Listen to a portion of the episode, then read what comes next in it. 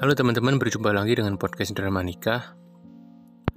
Seperti biasa, jangan lupa teman-teman ikuti podcast ini di Spotify. Kemudian subscribe juga YouTube-nya namanya Drama Nikah. Kalian bisa komen-komen di situ. Kemudian kalau teman-teman mau kirim cerita bisa DM ke Instagram @dramanikah yang cerita itu nggak harus sudah menikah ya. Buat teman-teman yang berencana menikah punya cerita-cerita yang lucu atau yang sedih ketika mau menikah bolehlah kirim.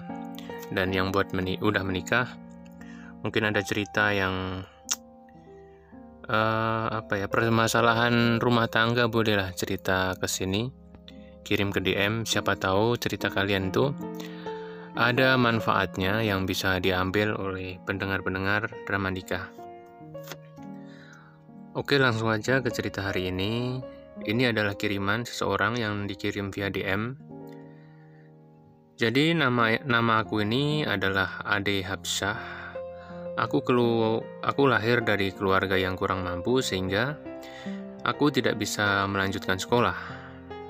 Dan aku memutuskan untuk bekerja mencari uang sendiri agar bisa membantu keluarga. Singkat cerita, Suatu hari ketika aku pulang bekerja, ada seseorang pria sebut saja namanya Reza. Tiba-tiba dia ini menawarkan untuk mengantar aku pulang kerja. Tapi aku menolaknya. Aku kan masih baru ya kerja. Tapi beberapa hari kemudian dia ini membujuk terus.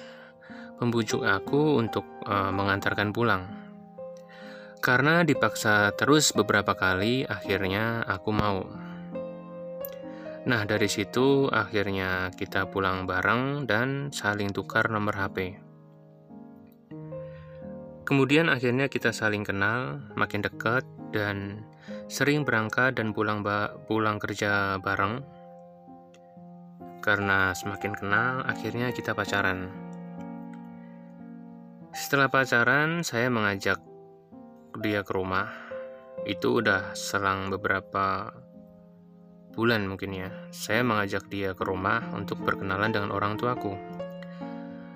Alhamdulillah orang tuaku merestui hubungan kami.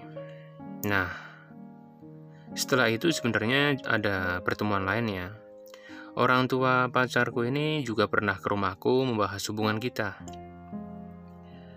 Waktu itu responnya positif ya kita dibawa ke yang ke jenjang yang serius. Namun setelah pertemuan pertemuan itu beberapa bulan tidak ada kabar.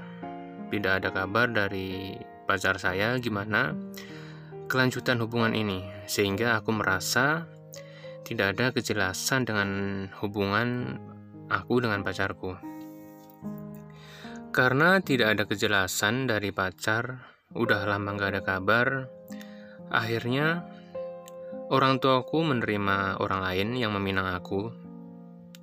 Jujur, awalnya aku gak mau ya. Karena aku dan Reza masih menjalani hubungan, walaupun sebenarnya gak jelas ya. Tapi karena paksaan orang tua, mau gak mau aku nerima orang yang dikenalkan orang tuaku, dan aku memutuskan hubungan dengan Reza. Singkat cerita, aku berkenalan dengan pria yang dijodohkan orang tuaku ini.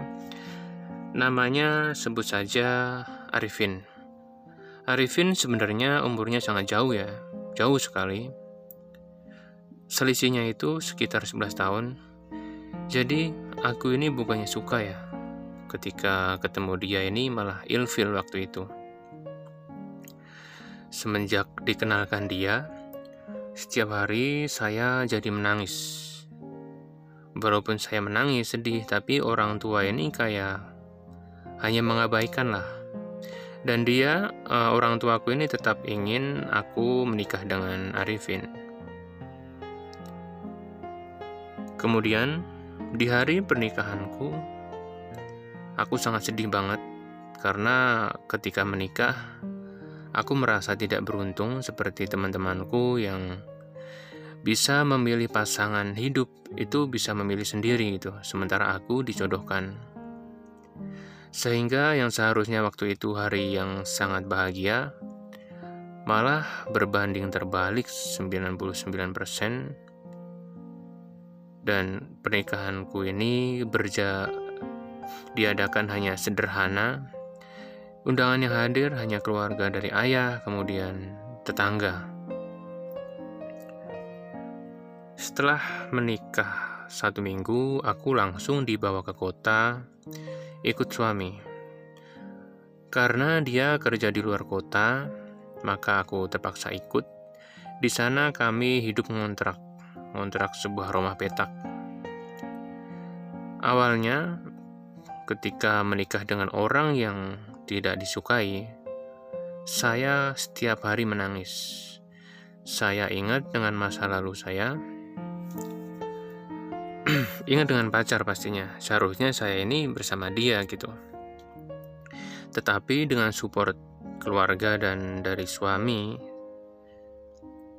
akhirnya mencoba ikhlas dan bersabar sambil banyak doa, tapi tetap susah. Saya masih ingat dengan masa lalu, masih ingat dengan pacar saya. Di situ saya mulai banyak berdoa, ngaji lagi, ngaji, dan suami juga sangat perhatian dan sayang. Dan dari situ Akhirnya saya hamil. Awalnya sih nggak terima ya ketika hamil. Tetapi ketika usia kandungan 7 bulan, di situ saya mulai tumbuh rasa nyaman dan menerima takdir. Karena sebentar lagi kan jadi ibu. Nggak boleh lah egois, harus bangkit. Nanti yang ada malah sakit dan di situ aku mulai menjalani aktivitas seperti biasa, menjalani kewajiban sebagai seorang istri, dan mulai hilanglah bayang-bayang masa lalu itu. Setelah anak lahir dan singkat cerita usia satu tahun, sempat kena saya ini kena sihir lah kalau nggak salah ya. Itu asumsi asumsi ya karena waktu itu ada penyakit mata gitu yang harusnya itu ketik diobati sembuh tetapi hampir satu tahun nggak sembuh sembuh berkat doa orang tua suami akhirnya sembuh Alhamdulillah hingga sampai saat ini kehidupan kami bahagia kami belum pernah berantem yang hebat ya, karena suami ini selalu mengalah lah kalau beda pendapat. Sehingga ya tidak ada berantem yang hebat yang gimana-gimana. Kurang lebih seperti itu seperti itu kisah saya dijodohkan dengan orang yang tidak disukai. Menikah dengan orang yang selisih umurnya 11 tahun tapi berjalannya waktu, ternyata akhirnya kami ini memang ditakdirkan untuk berjodoh ya sebagai suami istri. Dan terbukti sampai sekarang kita bisa hidup bersama walaupun awalnya berat sekali. Oke, terima kasih teman-teman. Kurang lebih seperti itu ceritanya. Jangan lupa komen uh, gimana pendapat kalian tentang kisah ini. Terima kasih.